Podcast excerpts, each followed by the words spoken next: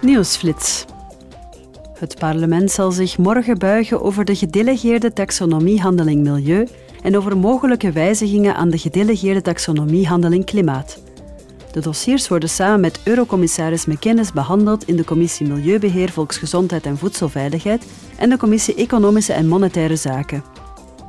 De gedelegeerde EU-taxonomiehandeling klimaat werd twee jaar geleden door de Europese Commissie vastgesteld. Het was de eerste keer dat de Europese Commissie een dergelijke handeling uit hoofde van de taxonomieverordening aannam.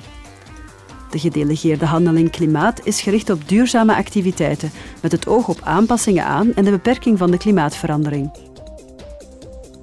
De parlementsleden van de Commissie Burgerlijke Vrijheden, Justitie en Binnenlandse Zaken zullen een debat houden over de recente scheepsramp met migranten voor de Griekse kust.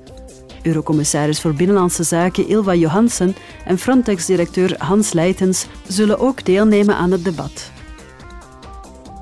Morgen zal de Commissie Burgerlijke Vrijheden, Justitie en Binnenlandse Zaken ook een standpunt aannemen over een wetgevingsvoorstel rond het niet naleven en omzeilen van beperkende sancties van de EU.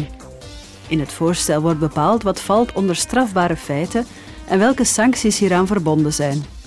Hierdoor zouden EU-landen de mogelijkheid krijgen om individuen gevangenisstraffen en bedrijven boetes op te leggen wanneer deze het nalaten om rekeningen te bevriezen of wanneer deze personen helpen een reisverbod te omzeilen.